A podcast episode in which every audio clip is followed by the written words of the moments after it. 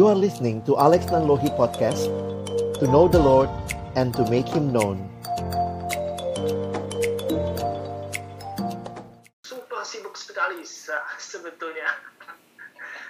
Puji Tuhan kali ini Tuhan eh, berkenan mengajak beliau sehingga kita boleh mendapatkan waktu beliau eh, untuk menjadi eh, pembicara di untuk materi-materi kitab Zakaria ini. Kalau teman-teman eh, ingat, kalau yang mungkin sepantaran dengan saya, Pak Alex ini cukup familiar dengan eh, ibadah pemuda dan remaja di GKI Kaving Polri ya. Eh, bertahun-tahun yang lalu saya, saya eh, terakhir ketemu dengan beliau di kebaktian eh, pemuda dan kita masih memanggil Pak Alex ini dengan Kak Alex gitu. Masih boleh Ya, panggil karena- Kak Alex. Oh gitu ya. Ya karena eh, yang muda cuman kita berdua Kak Alex, jadi Oh, oke. lebih pantas kalau saya memanggil Pak Alex ya. Oke, Pak Alex ini eh, berjemaat di GPIB Kelapa Gading saat ini dan eh, ternyata beliau masih eh, melayani di Perkantas saat ini. Eh, sudah berapa tahun Pak di Perkantas? Cukup lama juga ya. 21. 21 tahun ya luar Iya. biasa.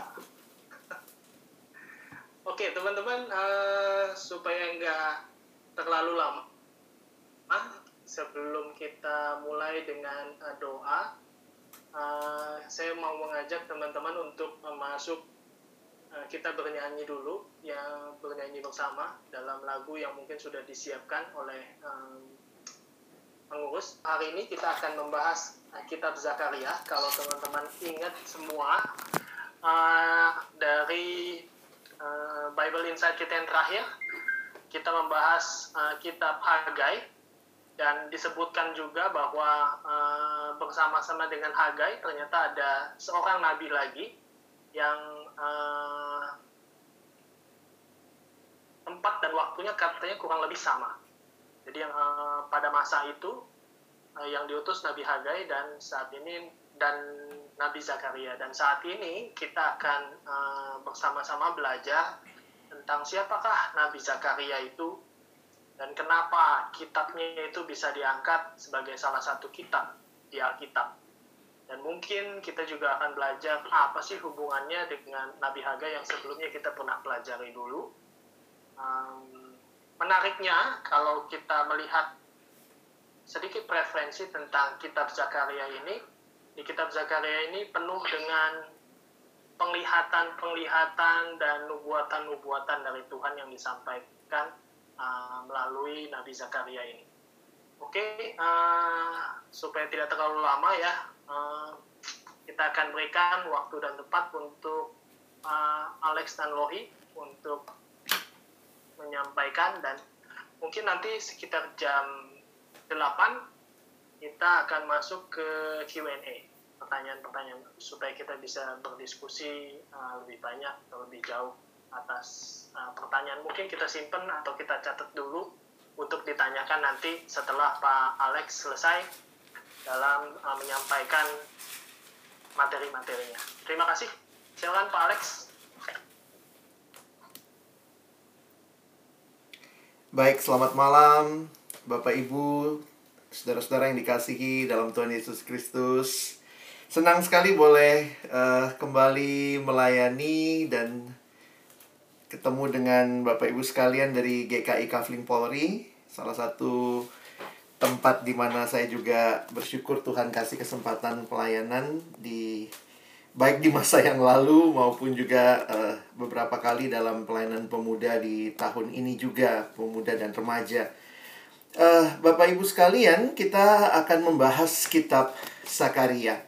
Dan mungkin jujur aja gitu ya, kalau kita bicara kitab nabi-nabi di perjanjian lama, kita mungkin kurang familiar ya dibanding surat Paulus, dibanding mungkin Injil. Jadi realita ini yang saya pikir juga perlu sama-sama kita uh, sebagai gereja tentunya ya menyadari lebih jauh bagaimana ini bukan sekadar satu pembelajaran saja, tapi menghayatinya dengan bobotnya sama. Ini juga firman Tuhan. Kadang-kadang kalau kita bisa paham ya kita anggapnya firman Tuhan. Kalau kita susah pahamnya, ah kayaknya ini kurang firman Tuhan buat saya. Jadi saya pikir pemahaman ini menolong kita juga untuk menyadari bahwa apa yang ada di dalam perjanjian lama ini menjadi bagian yang penting untuk sama-sama kita pahami karena ini adalah firman yang Tuhan berikan juga kepada kita. Nah, memang kita harus sadar betul bahwa perbedaan jarak dalam arti waktu antara kita yang hidup masa modern ini dengan orang-orang yang menerima kitab ini pada masa itu itu tentunya sangat jauh berbeda sehingga ada banyak konteks, ada banyak eh, hal-hal uh, yang kita perlu memahami ya. Saya pikir itu langkah di dalam kita mengerti firman Tuhan. Ada dua langkah utama. Yang pertama adalah kita mencoba membaca teks itu di dalam konteks pada masa itu. Nah, itu kunci pertama jadi jangan buru-buru bawa ke masa kini. Kita harus pertama dan terutama memahami, membaca teks, mengerti artinya di dalam konteks pada masa itu. Lalu nanti kita bawa kepada masa kita. Itu langkah yang kedua. Jadi pertama masuk dulu ke dalam konteks pada masa itu. Dan yang kedua nanti kita bawa ke konteks kita. Karena firman Tuhan berlaku kekal. Sehingga bukan hanya berlaku untuk orang-orang yang ada pada masa yang lalu, tetapi juga pada masa kini bagi kita, bagi gereja Tuhan. Nah, di sinilah saya pikir kita perlu juga untuk memikirkan penerapan dan aplikasinya bagi kehidupan kita.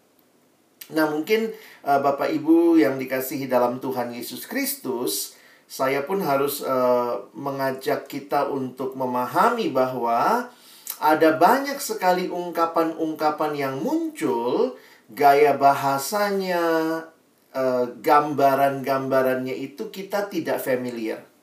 Ya, sehingga memang kita butuh ekstra ya usaha untuk pertama memahami lalu kemudian coba mengerti apa sih maksudnya.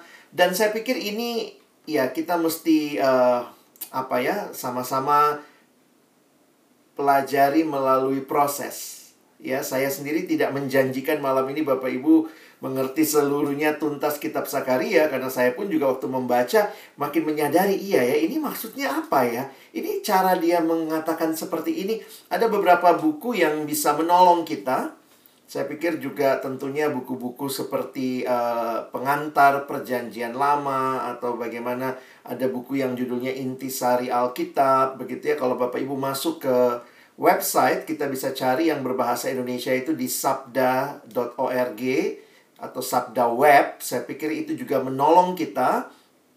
Tapi yang paling penting saya pikir kita sendiri melihat Alkitab sebagai sumber utamanya ya jadi ini sangat terkait dengan berbagai hal, berbagai konteks yang kita harus sadari.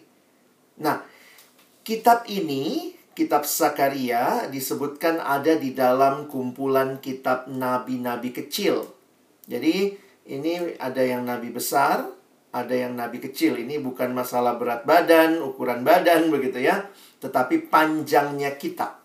Ya, jadi itu yang membedakan nabi besar dan nabi kecil.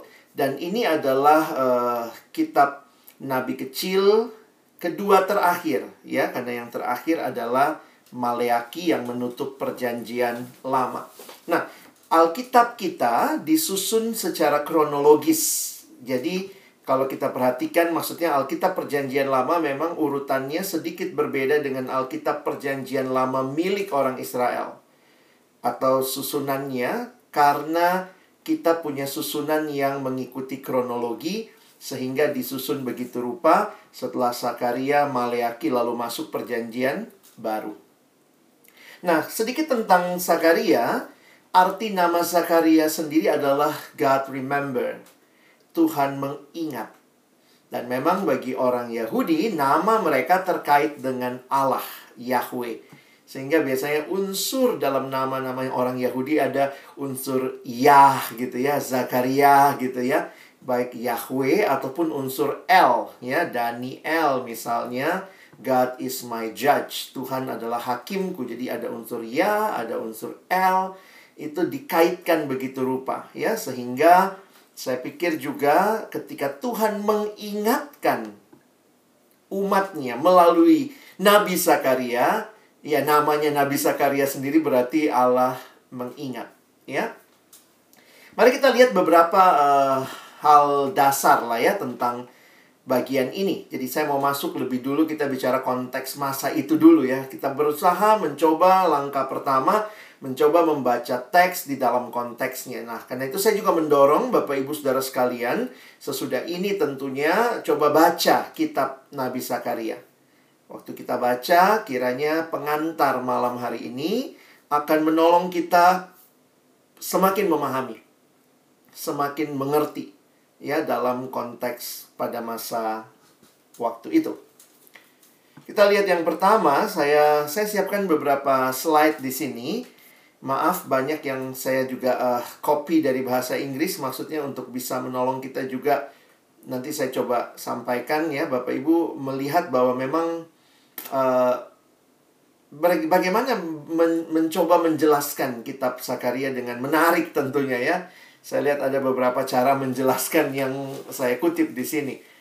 Jadi ini masuk dalam kitab nabi-nabi, prophets dan bentuknya. Nah, ini masalah bentuk juga kita perlu mungkin uh, kelas lain untuk membahas bentuk karena kalau Bapak Ibu hanya bahas kitab misalnya di dalam kitab Sakaria ada bentuknya yang disebut sebagai puisi. Jadi kalau kita lihat misalnya ada bentuk-bentuk yang bersifat puisi, kalau dia bersifat puisi itu sebenarnya dalam aslinya itu di dalam uh, bentuk yang mirip seperti Mazmur. Ya, jadi ada pengulangan-pengulangan atau dalam uh, bahasa puisinya itu ada yang namanya paralelisme, tetapi juga bersifat nubuat, ya, jadi nubuat dan puisi. Nah, uh, siapa Sakaria? Kita bisa lihat di situ dan apa isinya begitu ya. Lalu di mana dia melayani?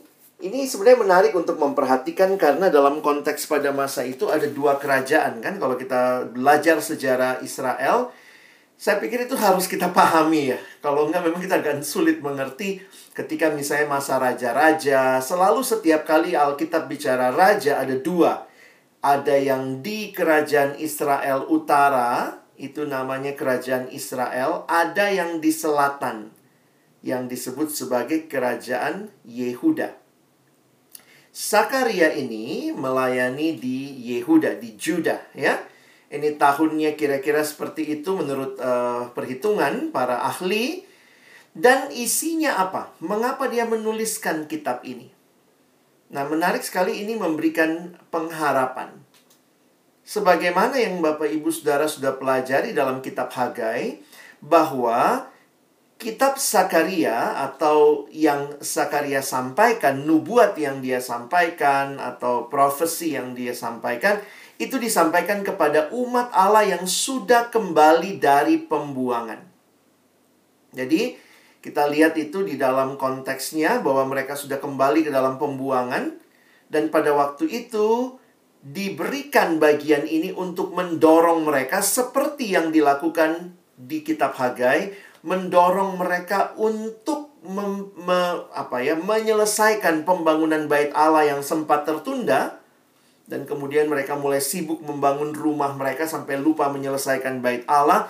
Dan uh, menurut uh, saya mem memakai beberapa buku begitu ya pada intinya bagian ini juga menegaskan tentang pentingnya kepemimpinan yang tunduk dan taat kepada Allah karena memang nanti kita akan melihat ada dua nama pemimpin yang muncul di kira-kira pasal 6 begitu ya tentang uh, bagian ini. Nah, jadi kalau kita perhatikan lebih jauh, visi yang Sakaria dapat itu itu memberikan pengharapan kepada datangnya kerajaan Mesias. Jadi gambaran-gambarannya sangat mesianik sebagaimana pengharapan orang Yahudi mereka mengharapkan ada Mesias yang akan datang membebaskan mereka dan itulah yang juga mendorong mereka, men-challenge mereka, menantang mereka untuk tetap setia kepada Tuhan setelah pembuangan. Jadi kalau Bapak Ibu Saudara memperhatikan apa yang disampaikan, jadi ini sedikit sejarah Israel ya. Sebenarnya uh, saya coba jelaskan aja mungkin kuliah singkat perjanjian lama berkaitan dengan kerajaan Allah. Konsep kerajaan Allah ini konsep yang sangat kuat di dalam perjanjian lama. Kalau kita perhatikan konsep ini, kalau saya coba melihat lebih dasar lagi, sebenarnya itu berurat akar bahkan sejak penciptaan. Contoh saja begini ya. Misalnya, kalau saya cipta benda ini, ya, kalau saya cipta sebuah benda, maka begitu benda itu dicipta, pertama kali dicipta benda itu punya siapa? punya penciptanya. Nah, kira-kira seperti itu kan? Kalau seorang mencipta, maka begitu benda itu dicipta, maka itu milik penciptanya. Mungkin Bapak Ibu mengatakan, ah tapi kan bisa dijual Pak, tunggu dulu, tahan otak dagangnya ya. Begitu sebuah benda dicipta, itu milik penciptanya. Nah, kalau itu milik penciptanya, maka siapa yang jadi raja? Siapa yang harusnya dilayani oleh benda itu? Ya penciptanya. Jadi kalau kita bicara kerajaan Allah, ini terkait dengan Allah sebagai raja, raja yang mencipta, raja yang memiliki. Nah, benar dalam perjanjian lama kita melihat sebenarnya konsep ini kuat sekali. Allah kemudian di dalam anugerahnya memanggil ya ketika umat Allah gagal, eh, manusia gagal begitu ya. Adam sama Hawa gagal, Nuh, kemudian anak-anaknya Terus kemudian sampai kejadian 12 Allah memanggil Abraham. Dan kemudian dari Abraham dan keturunannya lah kita melihat bagaimana janji Allah akan melalui keturunan Abraham semua umat di muka bumi akan mendapatkan berkat. Nah, lalu kemudian kalau kita lihat ceritanya lebih jauh lagi Tuhan yang memimpin. Jadi masa Musa misalnya, kalau kita lihat di masa Musa itu ya Musa dipimpin langsung oleh Tuhan. Jadi Musa hamba Tuhan, kita melihat bagaimana ini yang disebut sebagai teokrasi. Allah memerintah umatnya melalui pemimpin umat, yaitu Musa. Musa kemudian digantikan Yosua. Nah, Sesudah itu, kalau kita perhatikan sesudah Musa dan Yosua, maka masuklah masa hakim-hakim. Di masa hakim-hakim ini, kita tahu ceritanya bahwa umat Allah terus bolak-balik, baik, entar lagi jelek gitu ya, entar lagi memberontak, tidak setia sama Tuhan, dan selalu masalah utama mereka apa? Masalah mereka sejak ada di masa-masa di bawah Allah keluar dari Mesir, saya pikir Tuhan tuh tahu persis masalah utama umat Allah yaitu selalu mendua hati, selalu ada Allah lain yang mereka sembah selain Allah Yahweh. Karena itu tidak heran kalimat pertama dalam hukum yang Tuhan berikan, jangan ada padamu Allah lain. Tuhan udah tahu nih, ini umatku ini akan terus cari Allah-Allah yang baru. Apalagi pada masa itu, konsep Allah itu teritorial, Bapak Ibu sekalian ya. Jadi, Allah di Mesir ya hanya berkuasa di Mesir dan sekitarnya. Kalau keluar dari Mesir, roaming Allahnya gitu ya. Allah Israel ya di Israel, Allahnya Babel ya di Babel. Jadi penghayatannya seperti itu. Nah Allah Israel memperkenalkan diri sebagai Allah atas seluruh bumi. Jadi itu memang terobosan pemikiran juga di tengah bangsa yang politeis. Bangsa-bangsa yang politeis ada cuma satu Allah dan dia memerintah atas seluruh bumi. Nah, dia memimpin umatnya Israel dan sesudah itu berganti tadi dari Musa ke Yosua masuk ke masa hakim-hakim. Tuhan memerintah melalui para hakim. Lalu kemudian setelah hakim terakhir kita tahu ceritanya di Samuel Lalu kemudian umat Allah minta raja.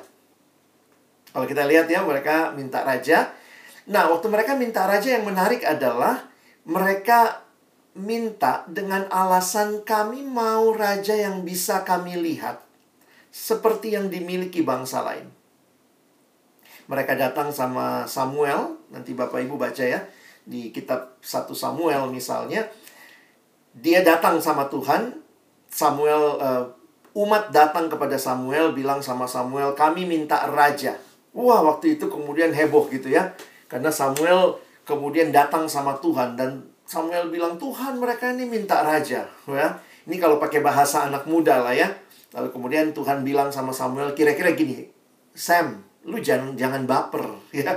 Lu jangan baper, santai aja, Bro." gitu ya. Kenapa? Karena Tuhan bilang yang mereka tolak itu bukan kamu, Samuel. Mereka tuh menolak aku. Jadi, kalau Bapak Ibu perhatikan, ketika mereka menolak Tuhan, maka perhatikan percakapan Samuel dengan Tuhan. Tuhan katakan yang ditolak itu aku. Kalau mereka mau raja, ya udah, Tuhan izinkan mereka punya raja. Tapi kemudian Tuhan melalui Samuel mengingatkan Israel. Apa yang diingatkan? Nanti Bapak Ibu bisa baca. Tuhan ingatkan, ingat loh, raja itu dia minta apa harus kamu kasih. Dia minta kuda, kamu mesti kasih kudamu. Kamu disuruh perang ya harus ikut perang. Dan kemudian Tuhan berkata, kira-kira secara implisitnya begini. Aku akan melihat rajamu. Kalau mereka bandel, maka yang dihukum bukan cuma mereka, tapi kamu juga. Jadi kamu kan minta raja. Tapi raja itu harus sesuai, seturut dengan kehendakku. Kalau mereka tidak mengikuti perintahku, ingat, kamu akan kena juga. Bukan cuma rajanya. Jadi Bapak Ibu bisa membayangkan, di situlah Israel akhirnya mulai berganti dari teokrasi menjadi monarki. Mulailah masa kingdom, kerajaan. Dan yang mereka tolak sebenarnya siapa? Raja sesungguhnya yaitu Allah. Mereka mau raja dan raja kan harusnya men menjadi perpanjangan tangan Tuhan untuk memimpin umat. Tapi perhatikan, di sinilah kita lihat ya, kalau saat teduh dari kita raja-raja, rajanya tuh makin lama makin jelek, makin lama makin jelek. Jadi raja ini memerintah sekian lama, lalu kemudian digantikan oleh anaknya, kemudian jelek lagi. Dan masalahnya apa? Selalu raja-raja itu dikatakan mereka tidak hanya menyembah Allah, tapi ikut menyembah dewa-dewi yang dimiliki oleh bangsa Kanaan. Nah, sedikit insight lagi ini buat kita ya. Sebenarnya belajar perjanjian lama tuh unik juga jadi belajar sejarah ya. Kenapa sih Israel ini bolak-balik bolak-balik masalahnya dengan Allah bangsa-bangsa lain?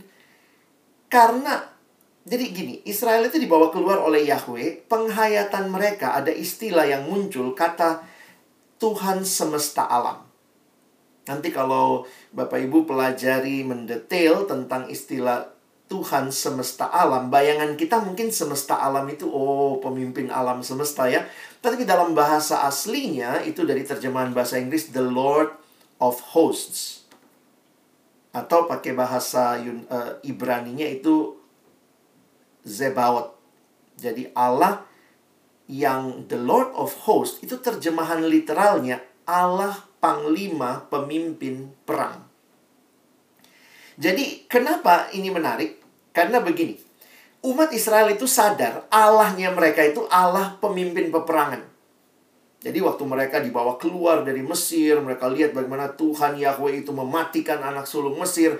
Lalu kemudian waktu menyeberangi Laut Teberau, mereka lihat bagaimana umat Allah selamat. Lalu kemudian Tuhan menutup air itu dan matilah semua uh, Mesir dan kereta-keretanya yang mengejar mereka. Jadi mereka sangat sadar God Yahweh itu the Lord of Hosts. Tapi mereka tetap masih punya penghayatan yang agak unik ini ya. Karena hidup di tengah bangsa-bangsa yang politeis. Sehingga waktu masuk Kanaan, itulah mereka masuk mulai bercocok tanam. Mana turun sepanjang mereka ada di 40 tahun journey di padang gurun. Ketika masuk Kanaan, maka Berhentilah mananya, mereka mulai disuruh tanam. Jadi sekarang makannya dari apa yang kamu tanam. Dan mereka masuk ke Kanaan di mana ada bangsa-bangsa asli di situ. Inilah Israel juga bandelnya tidak memusnahkan semuanya sehingga tinggallah beberapa bangsa yang termasuk yang menipu mereka kayak Gibeon dan seterusnya. Dan sebagai bangsa lokal, mereka punya Allah mereka yang disembah. Misalnya dewa Baal. Baal itu istrinya Asyera, Dewi Asyera. Ini dewa-dewi apa? Ternyata ini dewa-dewi kesuburan dalam hal pertanian. Jadi, Bapak Ibu sekalian, Israel ini gagal terus menyembah Allah karena penghayatan mereka Allahnya Yahweh itu hanya berguna, hanya kuat di peperangan. Kalau cocok tanam enggak lah. Kalau cocok tanam mesti sembah dewa Baal. Karena Baal lebih berkuasa lah. Asyera juga begitu. Jadi, bolak-balik yang mereka sembah itu selalu dewa-dewinya Kanaan. Karena mereka yakin Tuhan bisa pimpin peperangan, tapi dalam hal sehari-hari, maka yang berguna adalah dewa Baal. Dan salah satu pola penyembahan Baal adalah minta anak. Mempersembahkan anak. Sehingga waktu itu ada yang disebut sebagai bukit-bukit pengorbanan. Makanya perhatikan kalau satu dari kitab raja-raja, raja ini baik, tapi dia tidak menjauhkan bukit pengorbanan. Berarti sama, itu masih mendua hati. Mereka terus hidup dalam menyembah dewa yang lain. Dan akhirnya setelah sekian lama Tuhan kirim nabi. Makanya lihat, nabi selalu dikirim untuk memperingatkan, "Yuk balik. Yuk balik. Janganlah cintai Tuhan, ayo balik." Karena apa? Kalau kamu tidak setia kepada Tuhan, Nah ini sebagaimana yang Tuhan katakan di dalam hukum-hukumnya. Kalau rajamu bandel, maka aku akan memuntahkan kamu dari tanah. Ini istilah yang muncul di dalam kitab imamat. Di dalam kitab ulangan. Maksudnya apa? Ingat betul janji Allah kepada Abraham itu janji yang diberikan di dalam konteks Aku akan memberkati kamu, kamu akan jadi berkat bagi banyak bangsa di mana? Di tanah yang kuberikan kepadamu. Israel itu sangat melekat dengan tanah. Teologi tanah kalau belajar perjanjian lama itu karena mereka tahu bahwa Allah mengikat perjanjian mereka di tanah. Nah, makanya Tuhan bilang begini, kalau kamu bandel, aku akan memuntahkan kamu dari tanah di mana aku berikan yang telah kuberikan kepadamu. Nah, jadi kalau kita lihat ya setelah raja pertama Saul harusnya kan dinastinya Saul ya. Tapi karena Saul tidak setia, Saul dari Benyamin dia tidak setia maka Tuhan ganti, bukan cuma ganti raja, Tuhan ganti dinasti, bukan dinastinya Saul. Harusnya kan Saul turun lagi terus, harusnya Benyamin ya. Tapi Tuhan bilang, no, sekarang Yehuda. Makanya mulai Daud. Habis Daud, Salomo. Habis Salomo, anaknya kerajaan terpelah dua. Terpecah dua kerajaan, ada kerajaan utara, itu aliansi sepuluh suku Israel, dan dua dua dua suku itu aliansinya ke selatan. Di selatan namanya kerajaan Yehuda, yang di utara namanya kerajaan Israel. Di atas 10 suku, di bawah dua suku. Ya. Dan kalau kita perhatikan memang ya sukunya yang di bawah juga Yehuda dan Benyamin ya. Yehuda dan Benyamin di bawah, di atas itu 10 suku yang lain. Nah, jadi waktu itu mereka terbelah dua. Nah, di masa-masa itu selalu ada dua raja. Satu raja di utara, satu raja di selatan. Makanya kalau Bapak Ibu baca kitab Raja-Raja, saat teduh dari kitab Raja-Raja, misalnya dikatakan, ketika raja ini memerintah di Israel, lalu dikasih tahu, ada si ini memerintah di Yehuda. Jadi ada masa-masa overlapping. Ada sekian banyak raja yang rekornya apa? Makin hari bukan makin baik. Makin rusak, makin rusak, makin rusak, makin rusak. Sehingga Akhirnya Tuhan berkata apa? Stop. Sekarang kamu aku muntahkan dari tanah ini. Itulah pembuangan. Jadi memang masa pembuangan itu sangat menyedihkan karena mereka merasa Tuhan sudah buang mereka dari tanah yang Tuhan berikan kepada mereka. Jadi Israel itu sangat kuat teologi tanahnya, penghayatan kepada tanah Kanaan sebagai tempat Allah berinteraksi sama mereka. Jadi dibuang dari tanah, wah itu sangat menyedihkan buat mereka.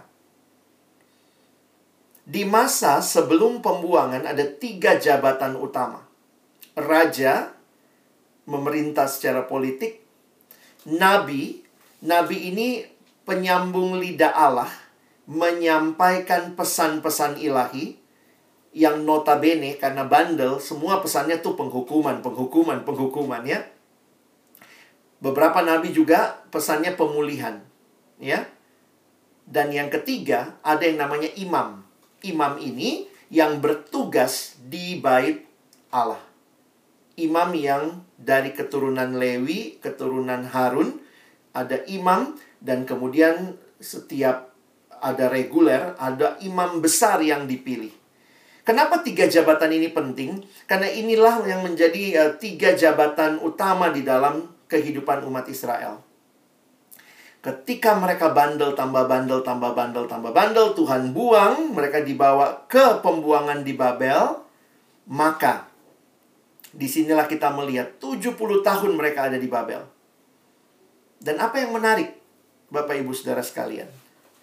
Sejak pembuangan di Babel, Israel sudah tidak punya raja lagi sampai hari ini.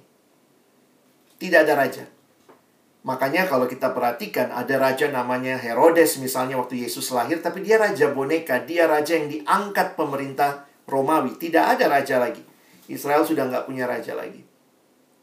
Nah, Tuhan menepati janji. Karena penghukuman Tuhan bukanlah penghukuman untuk menghancurkan, tapi untuk memulihkan. Karena ini umatnya Tuhan. Karena itu, Tuhan menggenapkan apa yang ditulis di kitab Yesaya, di kitab Yehezkel, kitab Yeremia. Setelah 70 tahun mereka dibawa kembali kepada Tuhan. Ini kalau sudah pernah ngalamin dihukum Tuhan begini, saya pikir kayak kita juga kali ya kita suka berasa gitu ya. Oke deh Tuhan, sekarang Tuhan udah balikin. Tapi Tuhan benar-benar sayang nggak sih sama kami? Nah itu kira-kira perasaannya orang-orang yang kembali dari pembuangan.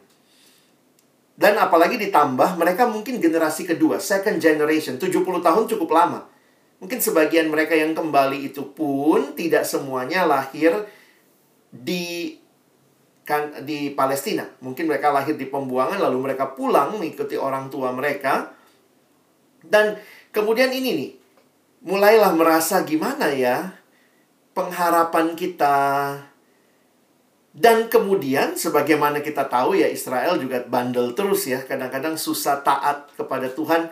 Jadi bagian-bagian yang disampaikan ini adalah bagian yang menguatkan mereka untuk percaya kepada Tuhan, percaya kepada janji Tuhan, dan Tuhan tetap raja yang berkuasa, dan Tuhan akan menggenapkan itu dengan hadirnya Sang Mesias.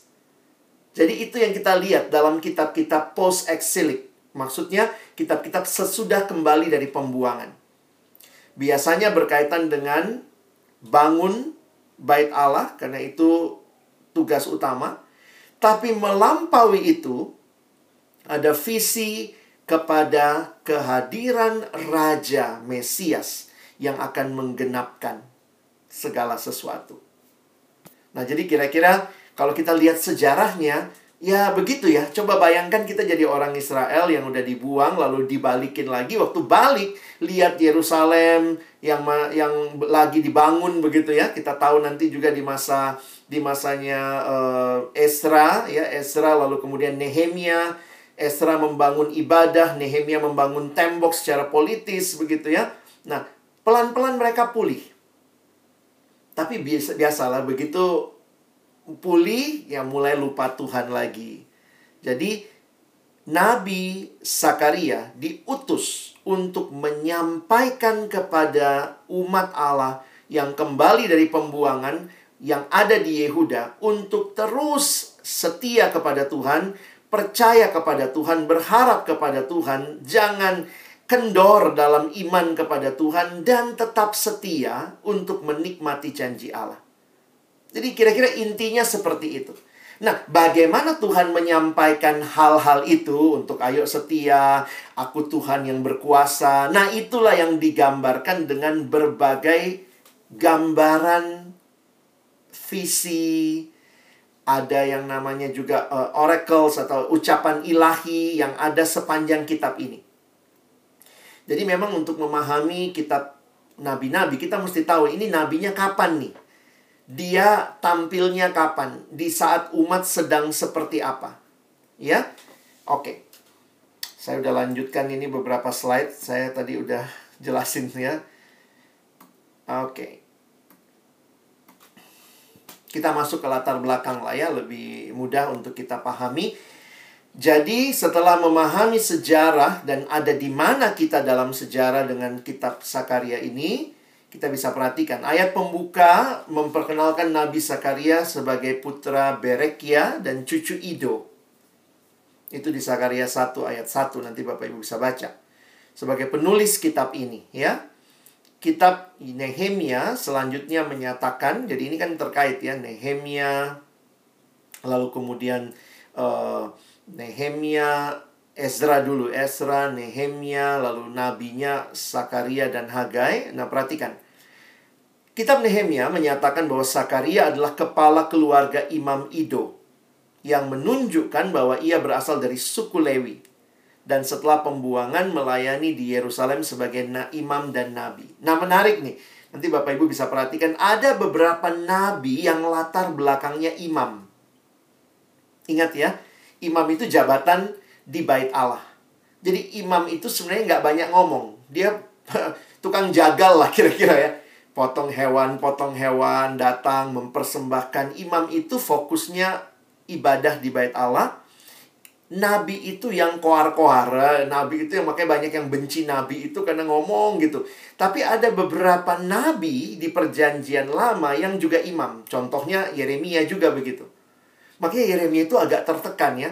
Karena imam-imam pada waktu itu kaum keluarganya sendiri benci sama dia karena nabi itu nabi ini kayak gini ya. Kita lagi damai nih. Kadang-kadang tenang-tenang nih. Terus nabi bilang, "Ingat sama Tuhan.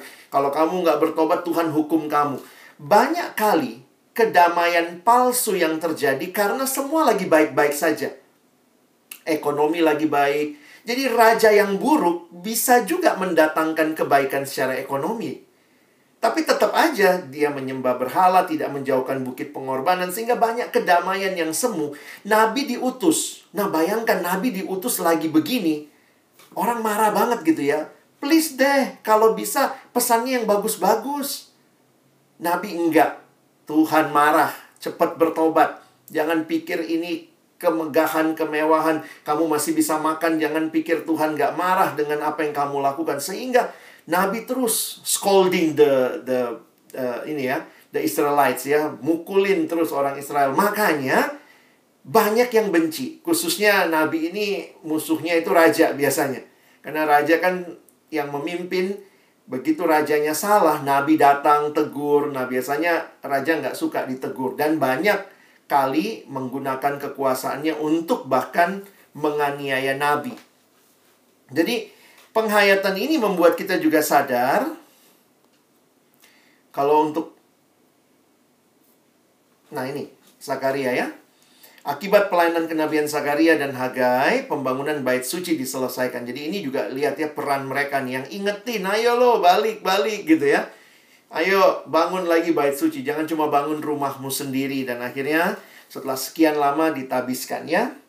Ini sedikit kalau teman-teman, Bapak Ibu sekalian mau lihat ya peta kembali dari pembuangan. Pembuangan itu di Babel sebelah kanan, itu bisa di zoom sedikit gitu ya di screennya. Lalu mereka dibawa kembali ya, itu jalur yang dipakai ada tanda panah di situ return roots from Babylon ya. Nah, sehingga secara timeline ini kira-kira timelinenya setelah pulang dari pembuangannya setelah balik dari exiles Ini yang overlapping tuh Esra. Ini semua fokusnya mereka adalah sebenarnya gelombang pertama yang pulang. Jadi sebenarnya ada beberapa gelombang ya. Nehemia itu gelombang ketiga. Esra 1 sampai 6 itu gelombang pertama, di situ juga disebutkan nanti teman-teman Bapak Ibu bisa lihat di Esra 5 disebutkan nama Hagai dan Sakaria. Jadi mereka yang kembali dari pembuangan pertama lalu kemudian kita lihat nanti ada periode di situ, di situlah kira-kira fit kitab Esther. Lalu Esra 7 sampai 10 itu second return di masanya Zerubabel itu. Lalu kemudian kita lihat nanti di Nehemia itu third return from uh, from Babel Babylon to Jerusalem. Lalu nanti kitab Maleaki. Banyak sebenarnya nabi yang bernubuat itu dalam kaitan sebelum atau lagi di exile. Kayak Yesaya, Yeremia itu ya Yesaya itu kan dia bernubuat sebelum dan pada waktu pembuangan. Jadi makanya pesan-pesannya itu penghakiman-penghakiman. Tapi separuh kitab Yesaya pesannya pemulihan. Karena bagi mereka dikembalikan dari exile itu, pulang dari exile itu, itu adalah pemulihan yang Tuhan berikan.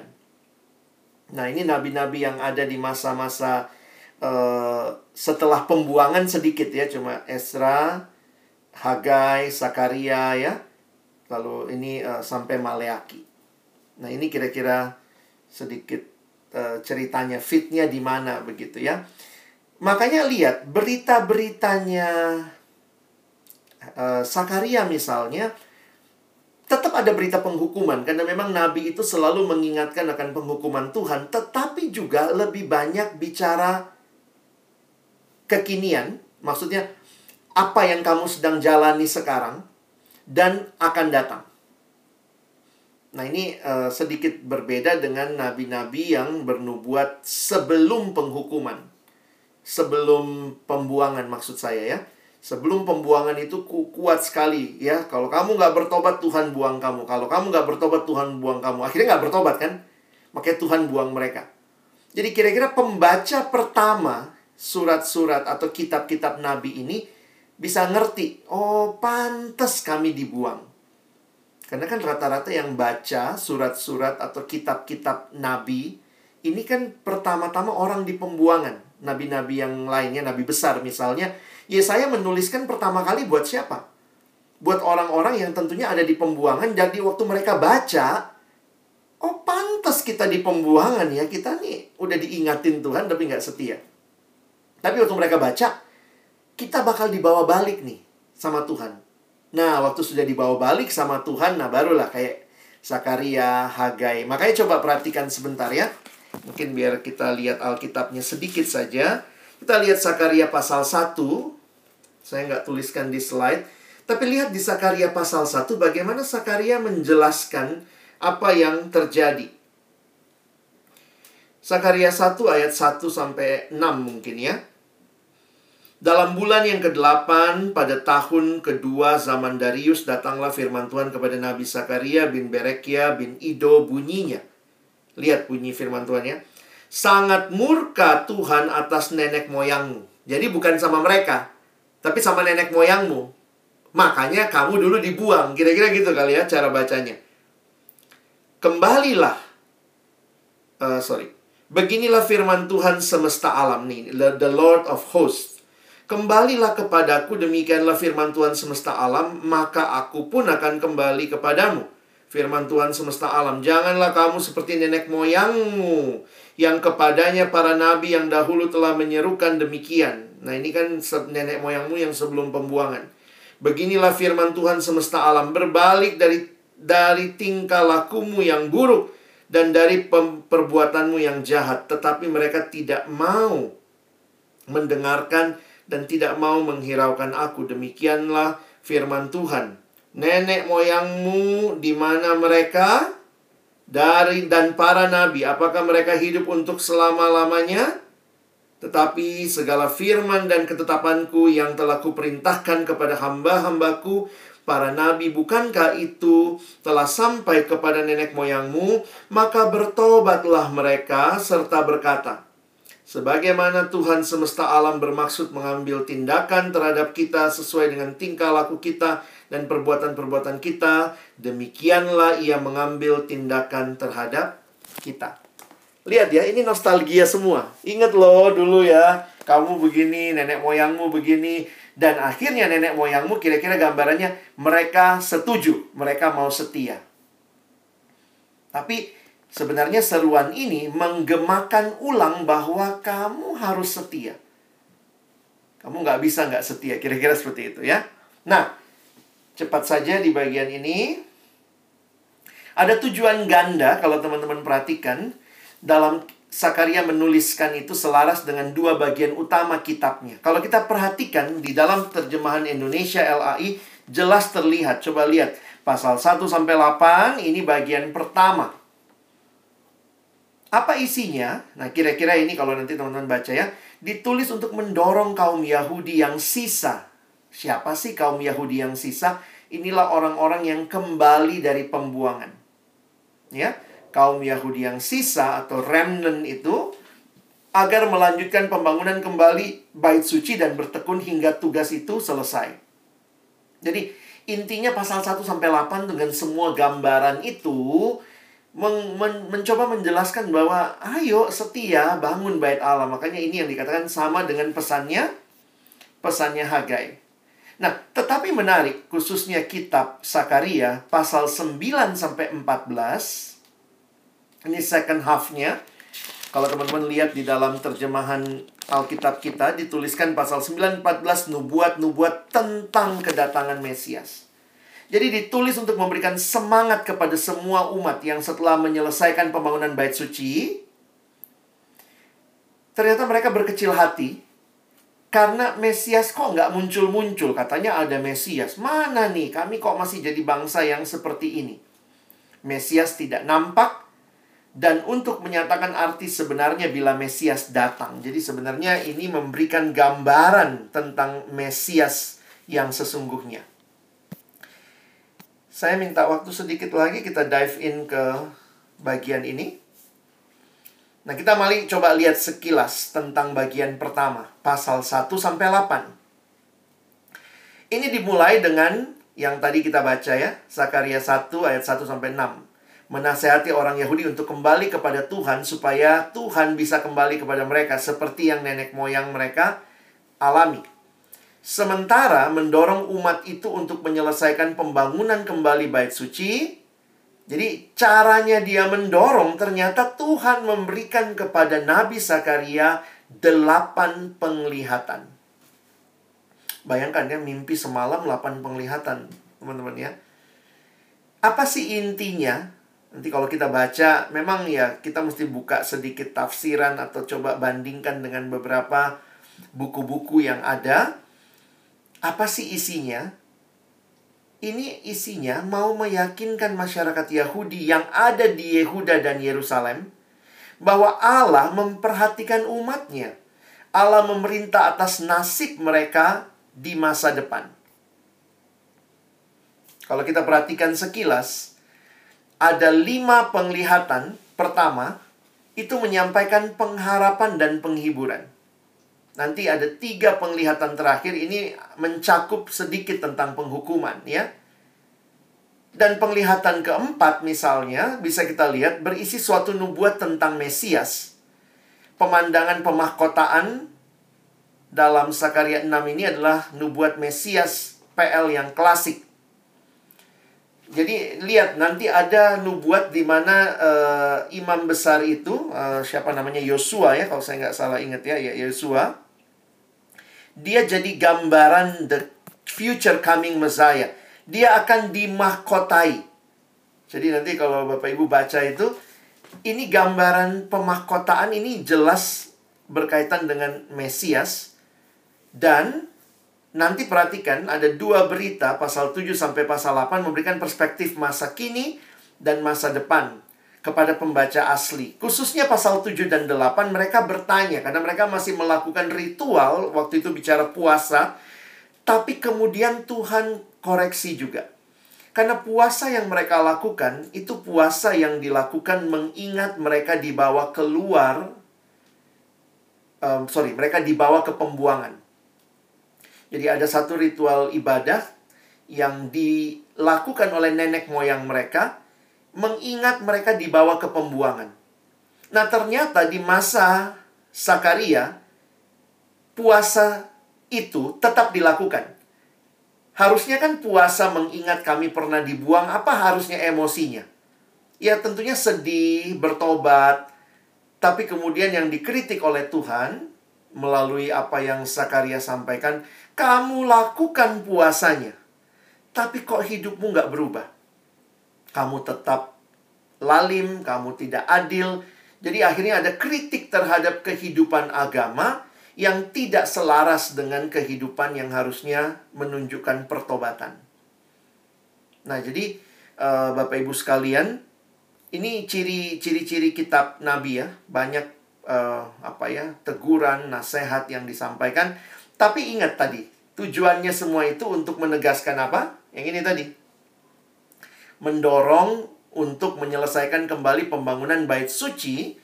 Ingat betul bait suci itu bicara kehadiran Allah di tengah-tengah mereka karena itu harus dibarengi dengan kehidupan yang benar-benar mengalami transformasi. Jadi bukan cuma hidup yang asal-asalan. Nah, bagian yang kedua atau bagian yang terakhir kalau Bapak Ibu perhatikan ada pasal 9 sampai 14. Ini apa sih isinya? Ada dua ucapan ilahi.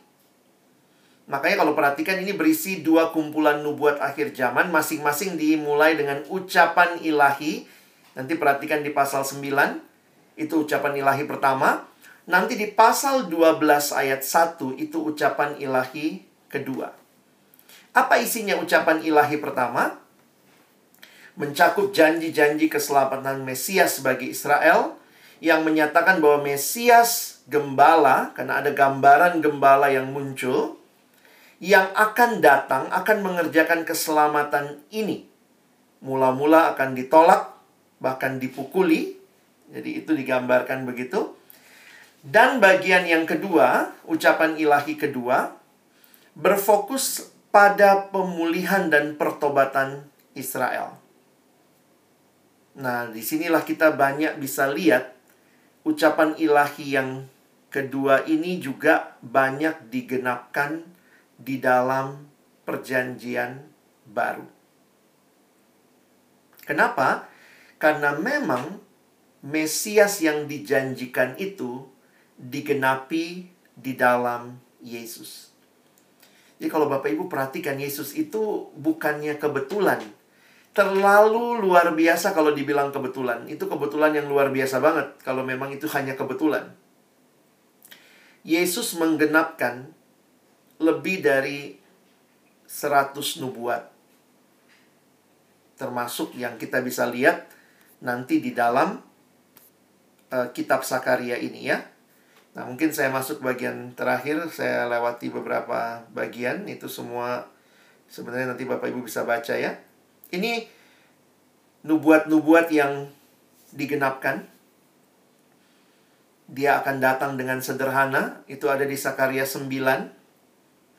Dia akan memulihkan Israel dengan darah perjanjian dia akan menjadi gembala bagi kawanan domba Allah yang terserak dan mengembara.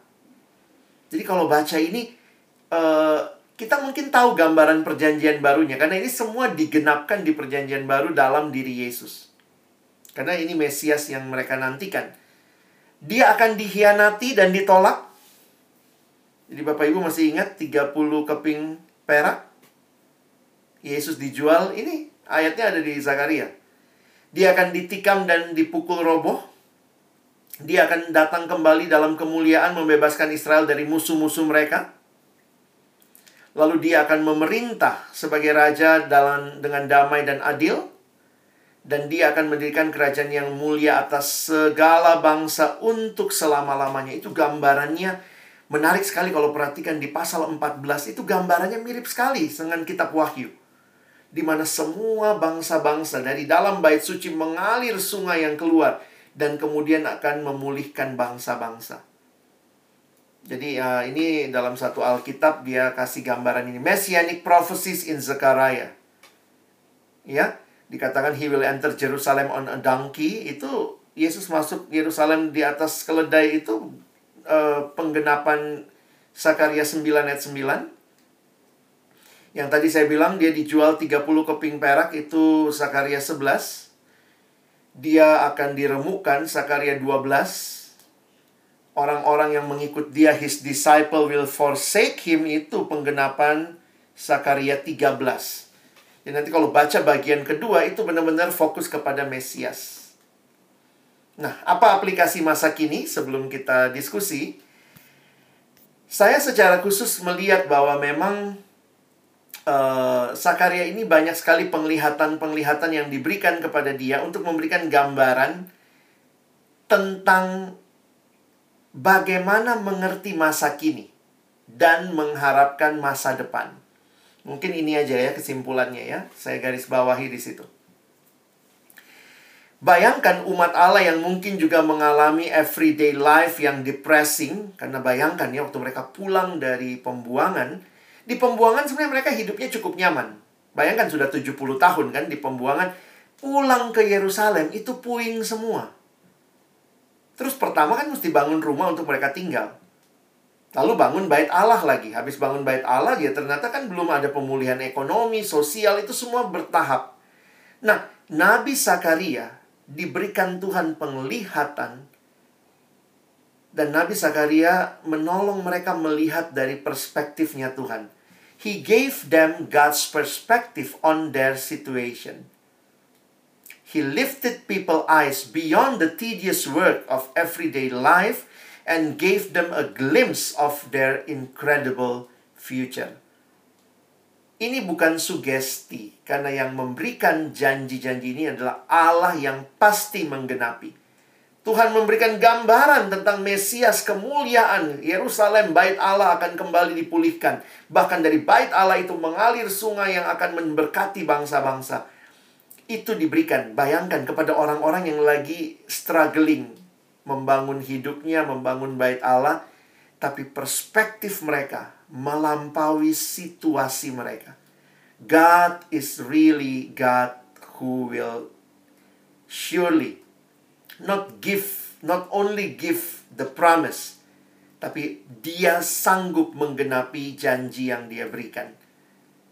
Dan di sinilah kita melihat ya perspektif ini. What is history? History is actually his story. Waktu Bapak Ibu kita semua baca kitab seperti ini, mungkin kita bingung ini apa sih maksudnya, kenapa gambaran seperti ini. Tapi gambaran-gambaran itu menunjukkan kehadiran Allah. Bersama dengan umatnya, dia mengontrol sejarah, dan dia Allah yang bukan hanya berjanji, dia sanggup menggenapi janjinya. Bagian kita apa?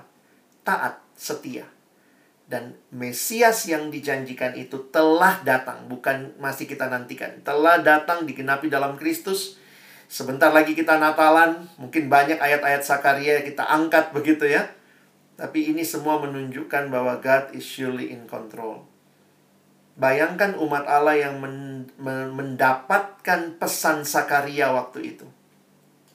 Kalau sungguh-sungguh mereka mengerti, maka mereka akan melihat bukan sekedar apa yang terjadi sekarang, tapi melampaui itu dan bahkan bisa berharap kepada figur Mesias yang dijanjikan itu.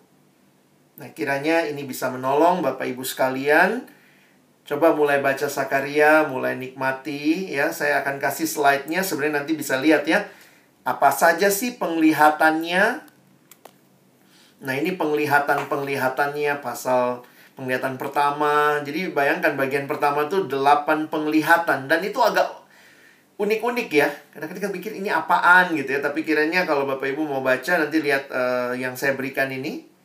Ya, apa sih tujuannya? God will restore his people. Itu gambaran yang diberikan sepanjang kitab ini. Baik, terima kasih. Saya berhenti sampai sini. Silahkan kalau ada yang ingin mungkin bertanya, menambahkan, kita bisa diskusi. Terima kasih.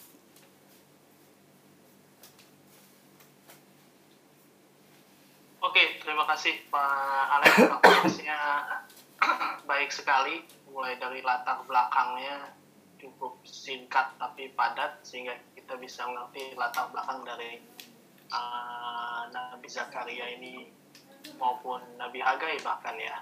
Uh, teman-teman uh, kita masuk uh, kepada sesi pertanyaan ada yang mungkin ingin bertanya saya mungkin buka dua pertanyaan dulu. Kalau ada silakan. Atau mau menanggapi juga boleh. Ya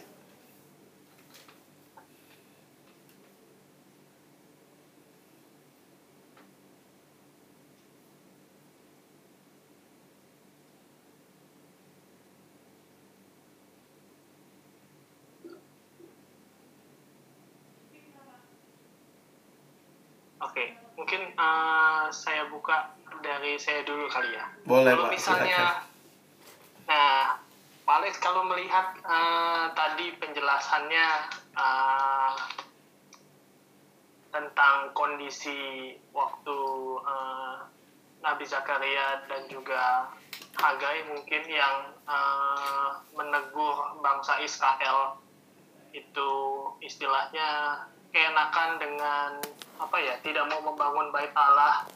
Sebetulnya kondisi waktu itu bangsa Israel setelah dari pembuangan itu mereka in apa ya comfort zone kah? Ataukah uh, kondisi dan psikologisnya mereka itu seperti apa? Sehingga mereka bisa dibilang uh, sebegitu damainya waktu itu sehingga merasa terusik dengan tiba-tiba kedatangan uh, Nabi Zakaria yang melihat menyampaikan berbagai penglihatan dan nubuatan uh, kepada bangsa Israel saat itu. Apakah memang uh, kondisi saat itu mereka ada di comfort zone, padahal kan mereka uh, ada dalam masa pembuangan? Uh, maksudnya setelah mereka kembali dari pembuangan, karena ini sudah kembali dari pembuangan, Pak. Oke. Okay. Iya, setelah dari pembuangan itu kan mereka uh, tadi dijelaskan hmm. harus ditegur untuk membangun bait Allah, hmm. kemudian uh, kondisinya itu mungkin mereka sudah terbiasa uh, sehingga harus diingatkan kembali terhadap pelayanan mereka, jangan lupa juga terhadap Tuhan. Apakah hmm. kondisinya saat itu memacu mereka untuk melupakan Tuhan gitu dengan dengan hmm dengan kondisi yang sudah biasa? Uh, sebenarnya banyak kemungkinan. Tapi kalau kita lihat dalam konteks uh, itu lebih jelas di Hagai. Hagai itu jadi sebenarnya gini kan ada masalah ketika mereka bangun bait Allah, ada masalah lalu kemudian terhenti pembangunan itu. Lalu kemudian mereka mulai bangun rumahnya masing-masing. Nah, makanya Hagai itu pesannya gini ya.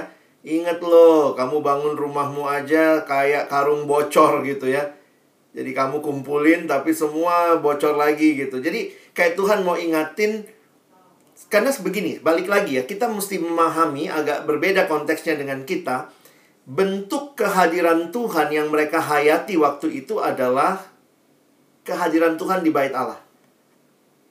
Nah, itu penghayatan mereka. Kita kan di perjanjian baru Yesus sudah bilang bukan di bait Allah, kamu menyembah dalam roh dan kebenaran bisa dari mana saja, yang penting dalam Yesus bagi mereka bait Allah itu jadi satu uh, hal yang sentral dalam hidup beriman mereka. Jadi nggak membangun bait Allah itu luar biasa nggak benernya buat mereka konteksnya. Nah, karena itu ketika mereka sudah mulai melupakan, Tuhan perlu lagi ingatkan mereka melalui nabi. Nah, ternyata sedikit lagi konteks, makin biasa hidup, makin mungkin juga ada hal-hal yang melupakan Tuhan. Kalau kita lihat misalnya di kitab uh, Sakaria ini, menarik sih yang saya tadi berikan ya. Kalau Bapak Ibu perhatikan penafsir yang saya kutip ini, dia mencoba menghayati uh, Zechariah came to people who live every day in depressing circumstances. Jadi dia coba lihat ada situasi depresinya juga karena begini. Sakaria lebih lama dari Hagai. Hagai itu berhenti hanya uh, pesannya hanya bangun kembali bait Allah dan terbangun bait Allah. Nah, tetapi kemudian Sakaria nampaknya setelah bait Allah terbangun pun dia masih, dipakai Tuhan. Nah, ya jadi ada kemungkinan uh, ya tetap depressing situation buat mereka karena Israel ini dapat banyak janji tentang dirinya dan bangsanya. Kamu akan jadi bangsa yang besar, akan mengalami ini dan itu. Dan memang itu janjinya Tuhan buat mereka. Kita nggak bisa komplain lah ya, itu bagian Tuhan buat mereka ya. Jadi ketika sudah selesai bait Allah dibangun, belum lihat mana nih glorinya.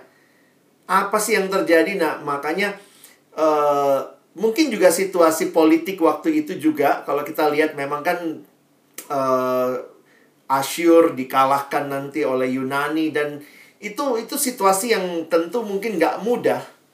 Tetapi ini kayak Tuhan mau menegaskan apa yang saya pernah janjikan kepada nenek moyangmu itu pasti akan terjadi. Jadi uh, memang kita bisa mengira-ngira mereka depresinya karena apa? Bisa karena situasi ekonomi mungkin, politik atau apa. Tetapi yang saya coba hayati adalah mereka berharap kepada ketika bait Allah dipulihkan, bayangan mereka harusnya terjadi pemulihan buat mereka juga. Hmm. Nah, tapi pengharapannya ya, pengharapan mesianik mereka tuh kuat sekali. Makanya Tuhan menegaskan tentang pengharapan itu pasti akan terjadi. Mungkin begitu. Oke, oke. Ya, masih Pak. Uh, ada lagi yang mau tanya? Pak Winto ya? Silakan Pak.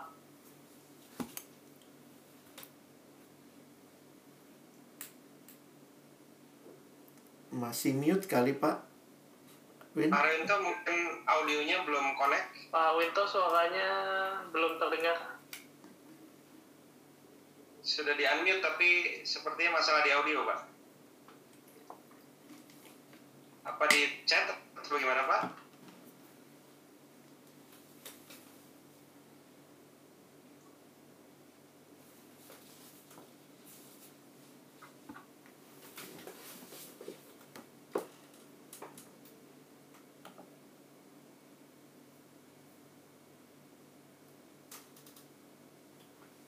Bang Awing e, pertanyaannya di ditulis di chat ya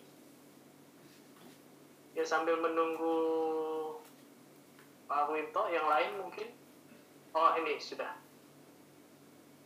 Pertanyaannya Pak Alex banyak persamaan antara kitab Zakaria dan kitab Hagai apa mereka berada dalam situasi yang mirip? Iya. Uh, karena mereka overlappingnya tinggi, jadi ada situasi yang mirip, tapi kemudian karena seperti yang saya jelaskan barusan ya, karena uh, dia lebih lama daripada Sakaria, Sakaria lebih lama daripada Hagai, maka ada situasi sesudah bait Allah dibangun. Hmm, sebentar.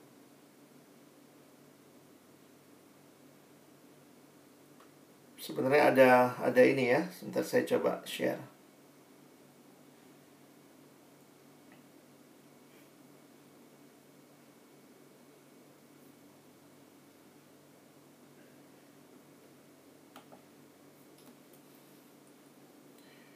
Sebentar. Jadi uh,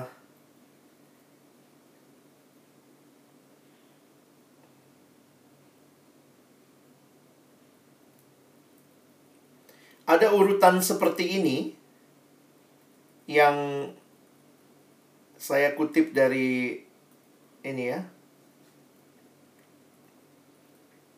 Nah, jadi uh,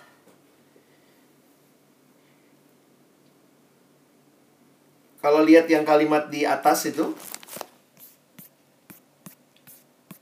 konteksnya pada masa Sakaria itu lebih luas lagi dari konteks masanya si Hagai. Jadi Zechariah is writing to the post-exile generation to remind them that they must keep their covenant with God to receive the promise of the New Jerusalem and the Messianic kingdom. Kalau pesannya Hagai hanya fokus kepada kepada pembangunan bait Allah, maka uh, Tuhan melalui Sakaria memberikan lebih jauh lagi kepada Messianic Kingdom. Karena itu perhatikan pasal 9 sampai 14 itu lebih jauh lagi daripada apa yang disampaikan oleh uh, si siapa namanya uh, Hagai gitu ya. Nah, ini menolong kita juga menghayati ya. Jadi ini kalau dalam dalam materi ini yang yang Bapak Ibu lihat ini dia mulai melihat materinya Sakaria itu dari sini. The book of Zechariah begins with a challenge to turn back to him and not to be like their ancestor who rebelled, disobeyed and were exiled. Jadi ada bagian itu ya yang kita baca ayat 1 sampai 6. Ayo nenek moyangmu tuh dulu bandel gitu ya. Makanya dibuang. Lalu kemudian Tuhan bicara lewat delapan visi, delapan penglihatan. Dan ini penglihatan tentang apa? Tentang juga pengharapan akan Yerusalem yang baru dan uh, Tuhan terus ingatkan, ayo setia, remain faithful. Lalu mulai nanti pasal yang ke-6 tadi, eh, pasal yang ke-7 tentang puasa yang saya jelaskan tadi. Jadi para orang-orang yang balik dari pembuangan ini berpikir gitu, kita mesti berhenti nggak me meratapi karena puasa mereka itu uh, kaitannya meratapi mereka dibawa ke pembuangan. Nah, Tuhan tidak menja jadi mereka tanya, mereka tanya sebenarnya, mustikah kita sesudah balik dari pembuangan tetap meratapi dengan ritual puasa, meratapi kami dibawa ke pembuangan. Itulah yang mereka mengerti dengan jatuhnya Yerusalem. Runtuhnya, temple destruction, itu runtuhnya Yerusalem kan mereka ternyata ingat itu, dibuat dalam ritual berpuasa. Nah, ternyata Tuhan jawabnya menarik. Nanti kalau Bapak Ibu perhatikan pasal 7, pasal 8, Tuhan tidak jawab lanjutin atau tidak. Tapi Tuhan melalui Sakaria as if they were ready to receive and participate in God's coming kingdom. Mereka diberikan penglihatan yang lebih jauh daripada sekedar situasi mereka sekarang. Walaupun sebenarnya tetap Tuhan kritik. Kamu bilangnya puasa, ingat waktu kamu kuhukum, Yerusalem jatuh, tapi kamu tetap aja tidak adil, tidak benar. Jadi itu puasa yang sebenarnya dibenci Tuhan. Nanti perhatikan pasal 7 ayat 2, puasa mereka itu katanya hanya untuk melunakkan hati Tuhan. Jadi kayak gain favor begitu ya. Gain favor from God. Jadi puasa karena ada maunya. Nah, lalu kemudian lebih jauh Messianic Kingdom. Ini yang dijelaskan pasal 9 sampai 14. Jadi uh, bagian ini sebenarnya Zakaria seperti menanyakan ask if the Israelites would reject their king forever. Bahwa satu waktu akan datang Mesias dan kamu siap nggak? Kamu bakal terima dia nggak? Kira-kira begitu. Jadi sebenarnya ada banyak refleksi terhadap umat yang kita bisa baca dalam kitab Zakaria ini. Oke. Okay.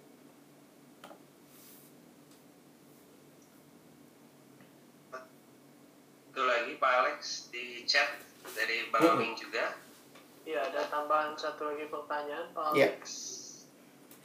Uh, tentang pada zaman Zakaria disebutkan uh, sang tunas. Mm-hmm. Ini kalau nggak salah di salah satu pasalnya ya. Pasal 38 ya. Tunas ini dimengerti sebagai apa atau siapa? Di pasal 3 ayatnya yang ke-8 ya. Mm-hmm. Nah ini ini menarik sebenarnya ya karena memang apa uh, konsep Mesias yang dipahami di dalam tradisi Israel itu evolving atau mengalami perkembangan. Jadi ini sangat-sangat apa ya? Uh, kita lihatnya buat kita di perjanjian baru kita lihatnya dalam Kristus itu penggenapan utama. Tapi kira-kira sama nggak yang dimengerti oleh orang Israel? Nah, ini yang uh, kembali um, di dalam kitab-kitab Nabi ada banyak cara mengerti tentang siapa Mesias itu. Jadi ada yang melihatnya, misalnya, kalau kita ingat Yesaya kan, Yesaya pasal yang uh, ketujuh gitu ya, akan mengandung, perempuan muda akan mengandung dan melahirkan seorang anak laki-laki, dan kamu akan menamakan dia Immanuel. Sebagaimana lazimnya nubuat itu selalu terjadi dua penggenapan. Ada penggenapan dekat, ada penggenapan jauh. Penggenapan dekat pertanyaannya siapakah Immanuel yang karena kan gini, kalau kita mengerti uh, Yesaya 7:14, Immanuel itu akan jadi pertanda. Karena Israel waktu itu, sorry, Yehuda waktu itu cari bantuan ke bangsa lain. Lalu kemudian nabi datang sama raja kan, bilang sama raja, mintalah tanda sama Tuhan. Terus rajanya bilang, rajanya sombong juga ya, enggak, aku enggak mau mencobai Tuhan. Enggak mau minta tanda sama Tuhan. Nah, karena itulah Tuhan akan kasih tanda. Jadi, apakah Yesaya 7:14 sudah terjadi atau nanti dalam Yesus? Penghayatannya sudah terjadi. Karena kalau tidak, bagaimana bisa dinyatakan ada tanda yang terjadi? Nah, jadi ini konteksnya ya. Sebelum misalnya, sebelum pembuangan, penghayatan tentang Mesias itu ada dalam konsep yang mereka pahami, tetapi siapa yang menggenapkannya ini itu uh, dalam banyak literatur beda-beda. Karena misalnya Yesaya 7:14 itu dihayati sebagai nabi sendiri. Ah, sorry, anaknya nabi. Di pasal 8 ayat 1. Di pasal 8 ayat 1 itu uh, misalnya anak dari sang nabi. Jadi penghayatannya anak dari sang nabi. Nanti baca lagi Yesaya 5 uh, sorry uh, Song of Servant. Di dalam kitab Yesaya ada yang namanya Song of Servant. Jadi lagu dari sang hamba. Sang hamba, sang hamba, sang hamba itu muncul berkali-kali. Itu juga kita di perjanjian baru lihatnya ini pengharapan Mesias. Makanya hamba yang menderita di Yesaya 52, 53 kita hayati sebagai Yesus. Tapi kira-kira orang Israel yang baca itu waktu itu siapa itu? dia tertikam karena pemberontakan kita. Harus ada yang mereka hayati waktu itu. Karena mereka belum lihat Yesus. Nah, menurut beberapa penafsir, penghayatan mereka ini adalah sebuah figur, suatu figur. Figurnya adalah divine human. Jadi manusia ilahi. Jadi uh, saya mungkin mengambil secara umum. Jadi apa pun yang mereka hayati, kayaknya mereka tuh tetap melihatnya kepada satu figur yang akan membebaskan mereka dan itu ada tangan ilahi atas orang itu entah bagaimana caranya sehingga perhatikan di perjanjian baru pada waktu Yesus menyampaikan firman banyak mesias palsu. Mesias palsu itu bentuknya apa? Orang. Jadi penghayatan karena Israel itu menantikan Mesias. Makanya Yohanes Pembaptis suruh muridnya tanya, apakah engkau yang dinantikan atau kami harus cari yang lain? Jadi saya melihat ada perkembangan evolving, ada pe perkembangan pemahaman sampai kepada kita mengertinya Yesus, tetapi paling tidak di zaman Yesus, orang Yahudi yang tidak percaya sama Yesus mengertinya kepada satu figur pribadi, person. Jadi uh, ya itu itu ada perubahan karena memang juga ada sempat konsep bahwa Allah sendiri yang akan turun atau uh, manusia tapi setengah dewa kira-kira gitu. Tapi kayaknya kalau kita perhatikan ya Yesus menggenapkan dua-duanya ya dia Allah yang jadi manusia. Jadi dia yang paling precise menggenapkan tunas Daud. Jelas lagi dia dari keturunannya Daud. Ya, kira-kira seperti itu kali penjelasannya ya. Perlu baca banyak buku Pak karena uh, ya Yahudi sendiri juga nggak sepakat tentang Mesiasnya. Lebih sepakat kita ya. Karena kita langsung bilang itu Yesus, nggak ada diskusi. Sampai kadang-kadang orang Kristen lupa. Yesaya 7:14 harus ada penggenapannya. Yesaya 11 ayat 1 harus ada penggenapannya yang dimengerti di konteks waktu itu.